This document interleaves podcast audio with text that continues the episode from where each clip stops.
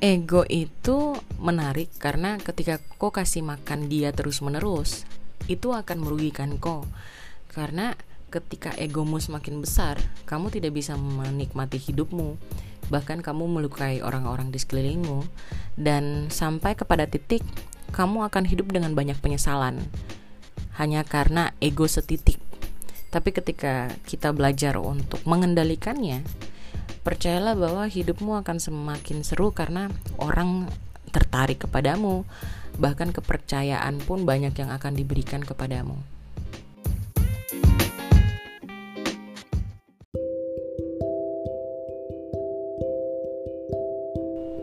Halo teman-teman semua, selamat datang kembali ke podcast cerita seru bareng Jenny Karai. Senang banget setelah ada jeda ya, akhirnya Jenny Karai bisa bertemu dengan teman-teman di edisi podcast yang baru ini. Nah, podcast kali ini seru banget. Saya sangat exciting banget karena bukan cuma membagi pengalaman pribadi, tetapi pengalaman yang teman-teman bagikan di dalam Instagramnya Jenny Karai.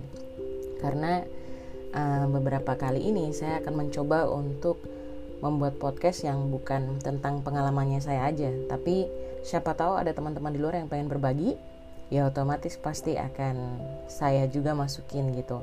Dan kita bisa banyak berdialog berdiskusi dan juga uh, memasukkan pertanyaan-pertanyaan di Instagramnya Jenny Karai jadi kalau teman-teman uh, pengen ikut nih berpartisipasi di podcast-podcast berikutnya dengan judul-judul yang berbeda silahkan follow Instagram Jenny Karai di storynya akan selalu ada diskusi awal sebelum sebuah podcast itu di launching atau di apa dipublish. Nah, uh, episode kali ini itu kita akan uh, ngebahas tentang meredam ego. Bagian pertama. Mau bikin bagian pertama saja tapi uh, dilihat-lihat aduh banyak sekali gitu loh uh, yang mau dibahas dan pengalamannya teman-teman juga banyak sekali. Jadi sangat sangat apa ya sangat tidak maksimal gitu kalau dibikin cuma satu episode jadi untuk edisi meredam ego ini nanti akan ada dua bagian.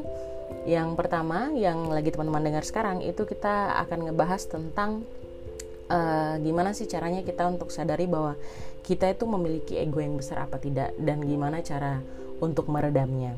Nanti yang kedua episode berikutnya setelah ini itu uh, tentang bagaimana kita menghadapi orang-orang di sekeliling kita yang punya ego tinggi dari kita.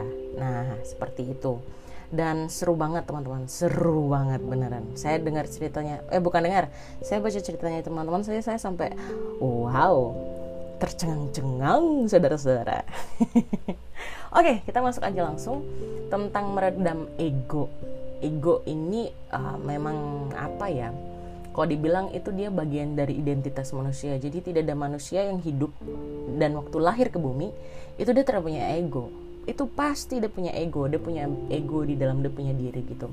Dan cara termudah untuk menentukan apa kok punya ego tuh sedang bermain adalah uh, dengan mengajukan dua pertanyaan dari yang akan saya bahas ini. Yang pertama apakah kau rasa kau lebih unggul dari orang lain? Atau apakah kau rasa kau minder terhadap orang lain? Kalau kau jawab iyo di salah satu pertanyaan di atas kemungkinan kau punya ego sedang mengambil alih kau punya pikiran. Jadi kalau macam kau lagi berargumen sama orang atau kau lagi marahan sama orang atau kau lagi diperhadapkan sama orang dan kau rasa kau lebih unggul dari orang itu, hati-hati. Kayaknya kau punya ego sedang bermain di situ. Atau kau rasa minder, kau rasa minder dengan orang di depan kau atau kau punya kekasih atau siapa pun atau kau punya uh, sahabat, kau punya ego sedang bermain saat itu. Makanya kau harus aware dan kalau teman-teman mau tahu ya ego tuh dia dibangun dari apa? Ego tuh dia dibangun dari uh, semua keyakinan yang kau pegang teguh tentang prinsip. Jadi prinsip-prinsip hidup terus uh, kau punya kepribadian kau punya bakat kau punya keterampilan kemampuan itu tuh turut membangun ego gitu. Semakin semakin besar hal itu dalam kau punya diri juga kau punya ego makin tinggi. Dan itu sebabnya ego tuh udah sering sekali dikaitkan dengan rasa percaya diri atau harga diri. Jadi kalau macam tong ganggu orang punya harga diri sedikit langsung uh langsung kayak macam mau bakalai orang satu kampung kah atau satu kota kah. Dan ego nih bagian diri sebenarnya yang tujuannya itu untuk cari persetujuan orang lain. Itu intinya ego gitu. Bahwa semakin kau setuju dengan dia dia semakin merasa dia punya diri besar. Nah itu kalau di lingkungan sosial itu bakal jadi masalah Jenny Karai sudah buat survei ya di Instagram waktu itu uh, saya kasih pertanyaan kamu pernah bermasalah sama ego kah tidak dan teman-teman tahu 97% di antara teman-teman followernya Jenny Karai menjawab iyo. Bahwa ternyata uh, ada bagian dalam dong punya diri yang dong selalu bermasalah dengan ego itu 97%. Ego nih kalau ketong ibaratkan dia tuh kayak macam kulit lapisan luar. Dia paling luar. Jadi kalau jeruk ya dia kulitnya jeruk gitu. Yang ketong bangun selama ini. Dan ego tuh selalu dia punya fokus itu untuk kepentingan mengutamakan diri sendiri dan dia terap peduli realita yang dimiliki orang lain itulah kenapa kalau teman-teman lihat orang yang punya ego tinggi biasanya nih ketong kalau berdebat sama orang nih ketong cerita sampai baik-baik juga tetap dan bilang dong yang paling menang ah itu sudah atau eh, orang-orang yang merasa aduh pokoknya ini harus jadi ini harus jadi. Tidak peduli orang lain tuh sakit kah orang lain ada masalah kah ada apa kah pokoknya itu jadi. Nah itu itu uh, salah satu tanda salah satu kode bahwa ego tuh udah sedang bermain. Dan ego juga yang bermain dalam ketong punya pikiran bahwa waktu terjadi masalah orang lain tuh yang salah. Sedangkan kau tuh selalu di posisi benar nah hati-hati itu juga bagian dari ego. Itulah kenapa kadang ego tuh udah jadi pertanda gitu bahwa seseorang udah punya karakter tuh baik apa kurang baik kayak gitu. Lihat loh lama-lama kalau tidak bisa dikendalikan kok rugikan? Kok punya diri sendiri loh karena akan ada banyak orang yang akhirnya ih tidak usah temenan sama dia sudah. Atau ih terus usah sama dia blacklist blacklist terus usah terus usah. Atau ketika kau mau dikasih kepercayaan apa gitu orang jadi tidak mau. Karena akhirnya kau tidak bisa kerja sama kau tidak bisa belajar kompromi dan lain-lain. Rugi rugi banget teman-teman ketika teman-teman tidak bisa kendalikan ego ini. Nah um, di sini ada beberapa tips yang Jenny Karai bagikan. Ada 6, ada 6 tips yang Jenny Karai bagikan ya untuk teman-teman gimana sih caranya ketong untuk uh, menyadari bahwa ketong punya ego besar dan ketong bisa kendalikan. Yang pertama, uh, belajarlah tertarik terhadap orang lain. Jadi alih-alih kau menghabiskan banyak waktu interaksi untuk berbicara tentang kau punya diri sendiri, belajar untuk tertarik sama kok punya lawan bicara jadi saya biasa pakai saya biasa pakai cara ini sudah. Saya biasa pakai cara ini ketika ketemu orang. Saya akan uji orang itu pertama ya kayak begitu. Saya akan berdiri saya akan kasih tunjuk saya punya uh, bahasa tubuh yang baik. Dan saya akan tanya ih gimana kabarmu? Kalau selama 5 menit sampai 20 menit itu yang dia bicara tentang dia punya diri sendiri sedangkan dia tidak kasih kesempatan untuk saya bicara ya berarti saya bisa prediksi oh anak ini punya ego tinggi. Sama sih cowok sama cowok juga gitu sih. Cara untuk saya ngedeteksi pertama cowok ego apa tidak ya gitu. 5-10 menit berbicara pertama saya akan pancing dulu. Um, ketika saya kasih dia kesempatan bicara apakah dia akan bicara tentang dia punya diri saja? Apakah dia ini orang yang self center kalau kalau macam dia punya bahasa gaul tuh bilang self center. Jadi semuanya tentang dia. Bahwa dunia matahari Venus Mars ini semua mengelilingi dia. Bukan mengelilingi bumi tapi mengelilingi dia saja. Dan ketong harus belajar untuk menunjukkan ketertarikan yang tulus. Itu akan jauh lebih bermanfaat buat kau daripada sekedar berusaha memaksa orang-orang lain untuk tertarik sama kau karena pada akhirnya ketong kan tinggal di Indonesia toh. Ketong punya budaya timur juga keras kalau saya bilang ketika kau belajar untuk uh, kau belajar untuk lebih tertarik ke orang lain orang lain itu nanti akan menilai kau sebagai pribadi yang baik gitu. Pribadi yang oke okay, saya bisa datang ke orang ini saya bisa cerita banyak. Saya bisa datang ke orang ini uh, karena saya tertarik dengan orang ini karena dia tidak dia tidak mengutamakan dia punya diri tapi dia mengutamakan orang lain. Jadi itulah kenapa uh, daripada kau sibuk ya promosikan kau diri kiri kanan kalau kau ini begini kau ini begitu. Cobalah sekarang belajar untuk tertarik sama orang lain tertarik untuk uh, buka kau punya diri tertarik untuk dengar apa yang dong bicara. Semakin kau belajar tulus uh, dan semakin kau belajar untuk menerima hal itu orang itu akan semakin suka sama kau. Ini jadi ini jadi hal yang baik loh buat kau. Yang kedua memahami bahwa hidup itu proses ego tuh dia tidak peduli dengan proses.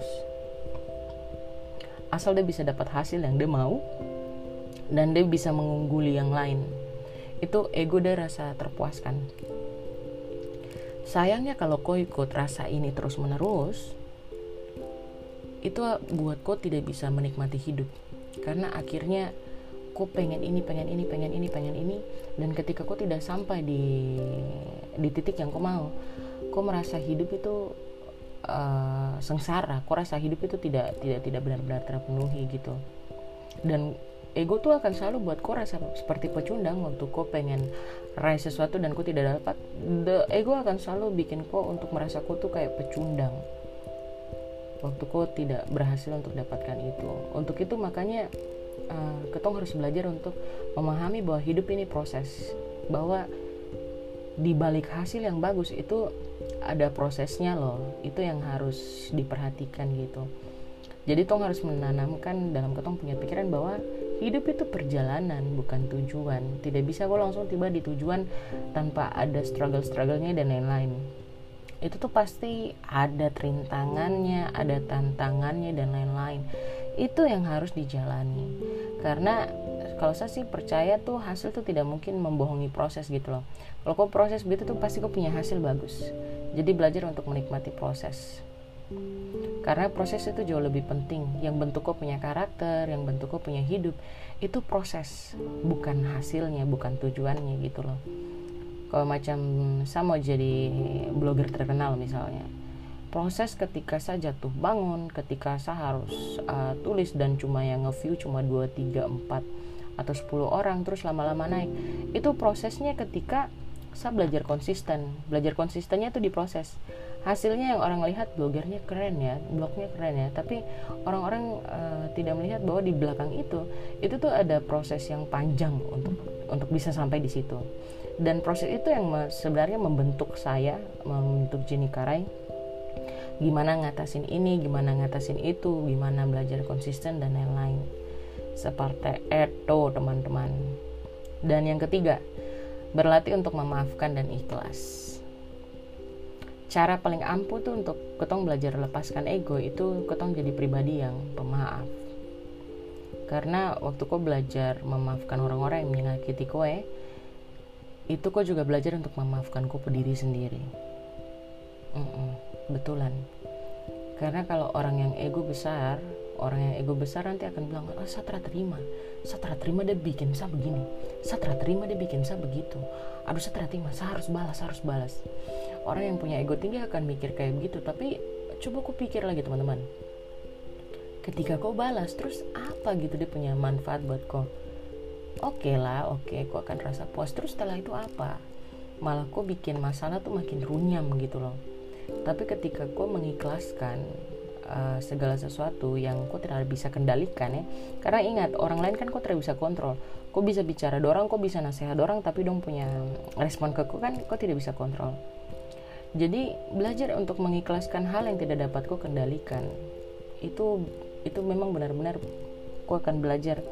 Di titik ini kau akan belajar mengendalikan ego yang benar-benar levelnya di level hati kalau saya bilang. Karena yang tahu kok sudah memaafkan dan ikhlas itu kan kau punya diri. Bukan orang lain. Kau punya mulut bisa bilang iya saya ampuni dia saya isu ikhlas. Tapi ya kau punya hati sendiri gitu loh yang tahu seperti bagaimana.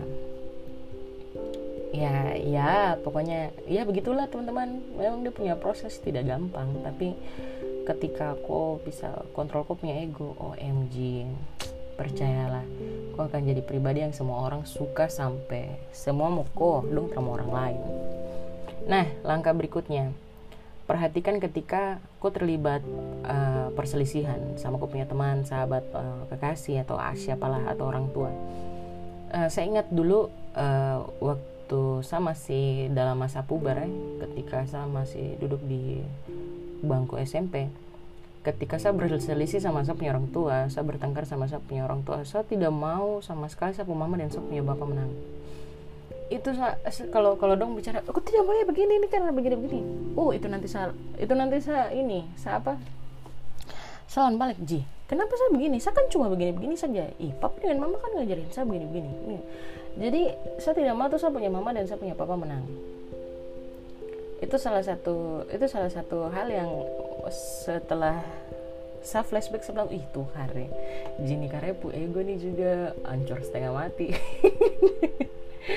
Karena cenderung bermasalah dengan orang-orang lain yang melintas dalam saya punya hidup dulu ya dulu dulu. Kalau sekarang udah puji Tuhan enggak.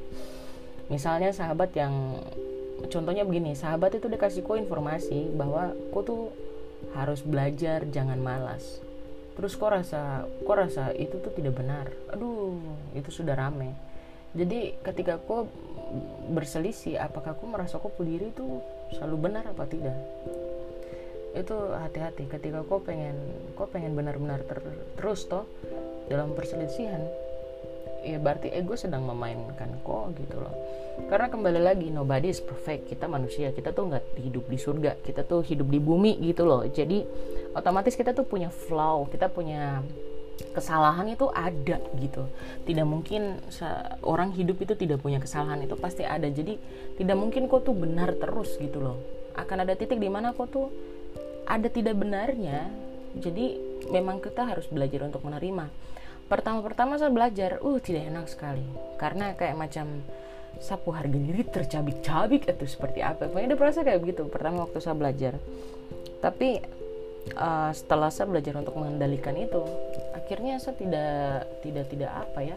Jadi pribadi yang oke okay, saya salah. Oke okay, saya salah saya minta maaf. Jadi ketika saya salah saya tidak gengsi untuk mengatakan maaf.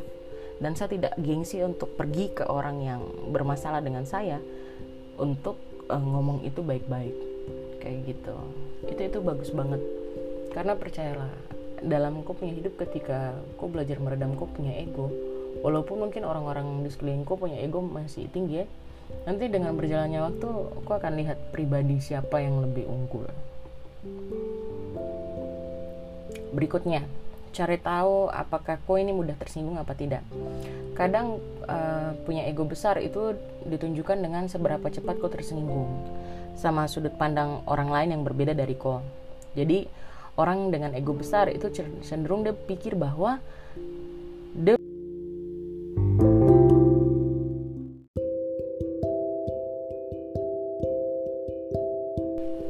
cenderung akan selalu berpikir bahwa uh, dia tahu segalanya. Dan waktu seseorang tidak setuju dengan dia punya sudut pandang uh, dong akan mengkritik dan kok rasa seolah-olah segala kok punya kompetensi itu sedang dipertanyakan. Jadi ketika kok di dalam organisasi atau dalam lingkungan gereja atau masyarakat atau lingkungan apa pun itu ketika kok lagi presentasi terus orang uh, kritik kok bagaimana kok punya respon gitu. Apakah kau merasa kau tahu segalanya atau kau belajar untuk terbuka dengan saran orang lain kritik orang lain? Seperti itu. Tapi ya hati-hati juga ya karena tidak semua kritik juga membangun. Jadi kita juga harus pilih-pilih mana kritik yang membangun dan tidak. Kalau yang membangun ya oke okay, go ahead silahkan jalan. Tapi kalau tidak ya kita harus belajar filter juga dan yang terakhir belajarlah untuk melepas kau punya keinginan untuk menang.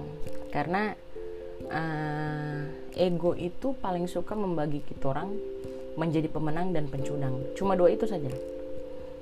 Jadi ketika mengejar kemenangan itu kadang ketong apa ya tanpa sadar gitu ketong pengen menang terus. Padahal kalau kau pikir baik-baik ya teman-teman ya bahwa terus lamanya tuh ketong akan menang sepanjang waktu.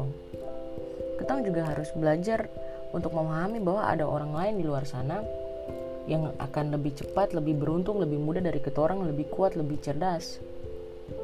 Seperti itu. Jadi tidak selamanya kau akan rasa menang. Dan kalau kau merasa sedikit-sedikit kau tidak berharga dan tidak penting, hati-hati. Berarti kayaknya kau ego lagi bermain cantik di kupunya diri. Kalau saya belajar saya belajar saya beruntung sekali karena saya belajar tentang ego ini dari usia awal 20-an jadi ketika saya belajar berproses uh, akhirnya ketika saya di usia yang matang saya sudah bukan tipe orang yang belajar dari zero lagi tidak. Tapi saya bisa menerima perbedaan ketika kerja sama orang yang berbeda umur seperti apa ketika yang di bawah umur saya seperti apa belajar untuk melihat orang seperti apa. Itu penting sekali. Dan apakah ketika saya belajar terus tiba-tiba semua gampang? Tidak. Saya belajar kebanyakan itu ketika di usia uh, usia kuliah awal-awal kuliah. Karena di awal kuliah banyak sekali teman-teman dengan background yang berbeda ya. Uh, mostly kalau di kampus saya uh, di Surabaya uh, salah satu universitas swasta itu mostly kebanyakan uh, Chinese. Dan Chinese teman-teman saya yang Chinese ini uh, mereka punya kepribadian yang berbeda-beda gitu loh. Jadi kalau saya mau diterima dengan mereka ya saya pun juga harus menyesuaikan. Saya harus juga harus um, menghormati mereka dan segala macam dan ketika saya masuk ke dalam lembaga kemahasiswaan uh, masuk ke dalam kepanitiaan itu saya belajar banyak banget tentang meredam ego. Jadi yang biasanya Jenny Karai menang menang menang menang menang menang itu belajar untuk mengalah. Karena kalau teman-teman lihat ya Jenny Karai ini saya itu backgroundnya uh, anak bungsu dari dua bersaudara.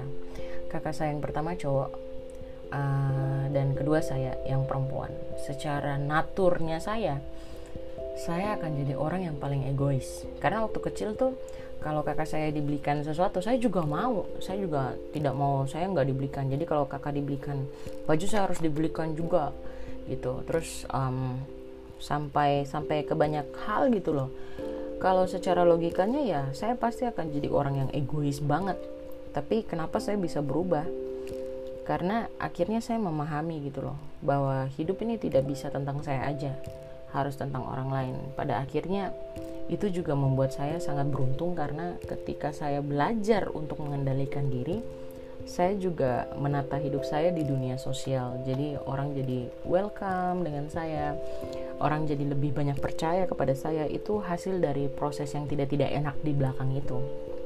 Dan saya percaya bahwa uh, teman-teman juga ya uh, yang sedang belajar untuk meredam ego. Percayalah bahwa apa yang kamu pelajari itu apa yang kamu proses itu itu akan membentuk kamu semakin jadi pribadi yang tangguh pribadi yang menawan pribadi yang bercahaya. Percayalah karena saya pun merasakan hal demikian seperti itu.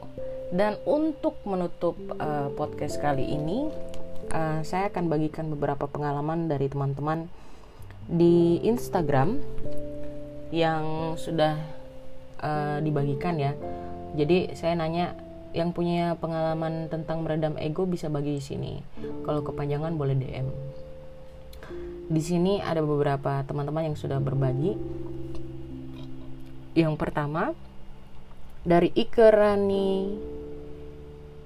Daya, Ike Ranindaya, at Ike Ranindaya. Ketika lagi emosi, kadang ego tinggi kak, jadi ambil waktu 1 sampai dua hari untuk meredam ego. Saya juga sih kalau marah, gitu ya, kalau lagi emosi dengan pacar-pacar saya, uh, pacar saya dulu ya, dulu dulu dulu. Sekarang kan udah jadi mantan, jadi karena kan sekarang single. Jadi dulu kalau marah sama pacar, uh, saya nggak bisa langsung, kamu tuh gini gini gini nggak bisa. Jadi saya akan ngambil waktu untuk diam untuk tenang dulu baru bicara. Karena percayalah kalau kau bicara ketika kau marah itu kau bisa kasih keluar semua unek-unek yang aneh-aneh. Dan pasti akan menyakiti kau punya lawan bicara. Jadi memang benar sih dek. Ide de ikeranin daya. Memang benar sih harus ambil waktu.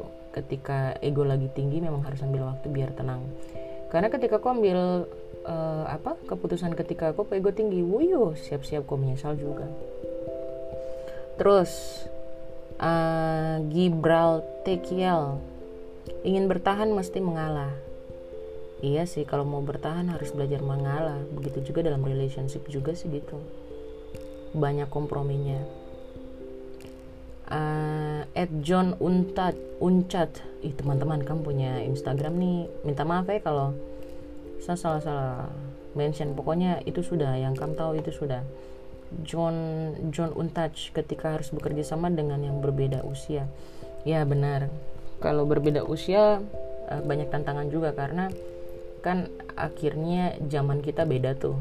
Orang 89 dengan anak 90 tuh beda banget pergaulannya backgroundnya. Jadi otomatis banyak yang harus dikompromi juga terus ada lagi nih dari Maria Dot Rumere saya pernah meredam ego untuk saya punya pacar kakak?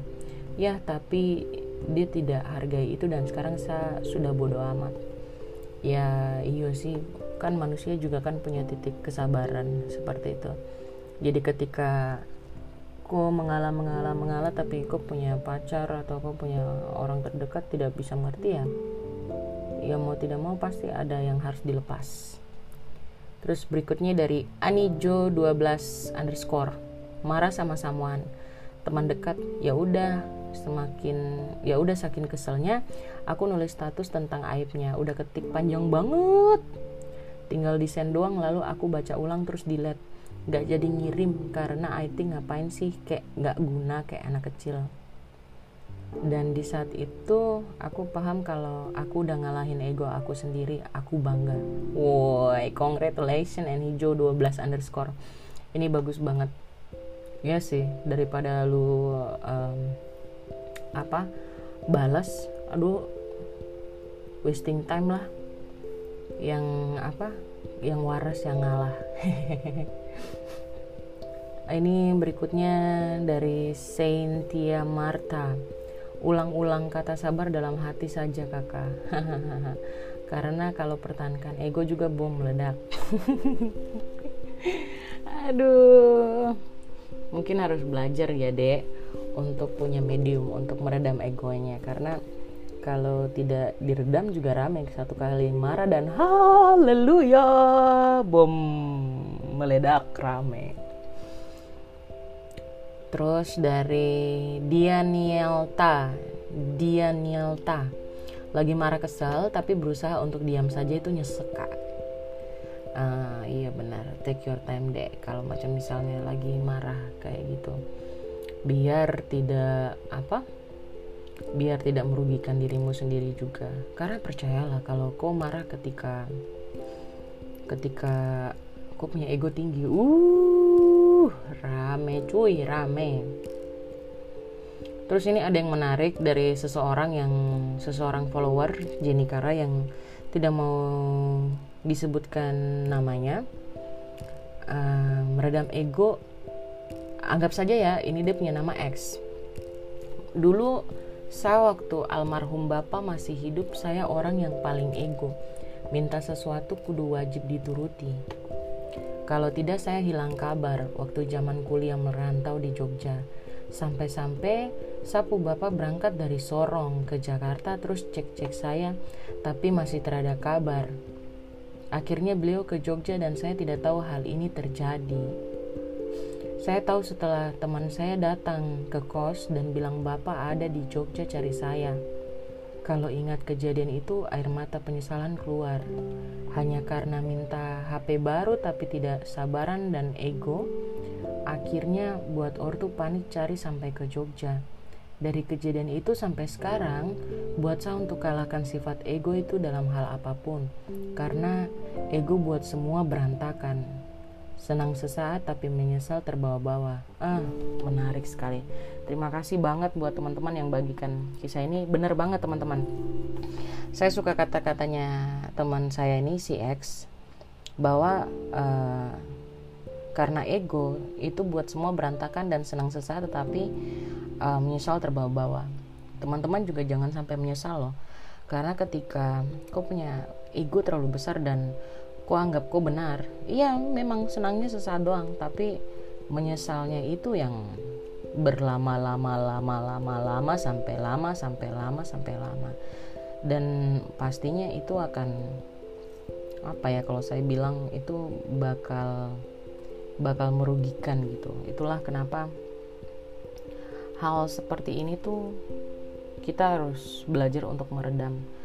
Mendingan kok belajar ketika kau masih usia muda daripada kau baru belajar meredam ego ketika kau di usia yang matang. Karena ketika di usia muda akhirnya aku belajar trial and error trial and error bahwa ini yang baik ini yang tidak ini yang ini yang benar ini yang tidak itu penting banget. Tapi ketika kau tidak bisa belajar dan kau anggap kau yang benar terus. Uh hati-hati.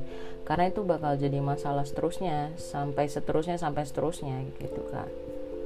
Jadi harus harus benar-benar belajar untuk oke okay, kali ini saya harus belajar seperti ini kali ini saya harus belajar seperti ini harus seperti ini seperti itu. Itu sangat penting. Dan gimana sih pendapatnya teman-teman dari podcast kali ini? Kalau teman-teman uh, punya cerita yang menarik jangan pernah uh, jangan pernah uh, kasih lupa untuk kasih tahu kajian uh, via DM Instagram atau teman-teman punya saran atau punya kritik atau punya masukan monggo silakan bagikan. Karena saya senang sekali bisa berbagi sama teman-teman. Saya senang banget ketika uh, apa yang saya bagikan juga teman-teman respon kayak gitu. Karena dengan begitu kita saling belajar. Jadi bukan cuma belajar dari saya aja tapi teman-teman akan belajar untuk orang lain juga seperti itu. Dan juga saya senang sekali uh, akhirnya podcast ini dipublish juga. Minta maaf banget karena Jenny Karai um, beberapa waktu ini jedanya lama banget ya karena ya begitulah pas lagi sibuk-sibuknya terus eh begini sakit. Jadi ya semakin panjanglah perjalanan hidupnya.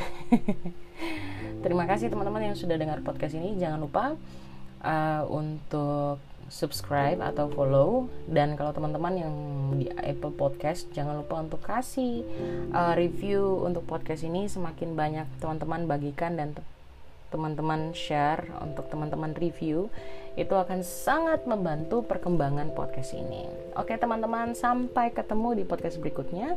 Eh iya saya harus ingetin teman-teman yang tidak punya Apple Podcast atau uh, Spotify teman-teman bisa dengar di Google Podcast ya iya di Google Podcast itu free jadi teman-teman bisa dengar tanpa ada jeda iklan dan lain-lain macamnya oke terima kasih teman-teman. Selamat beraktivitas.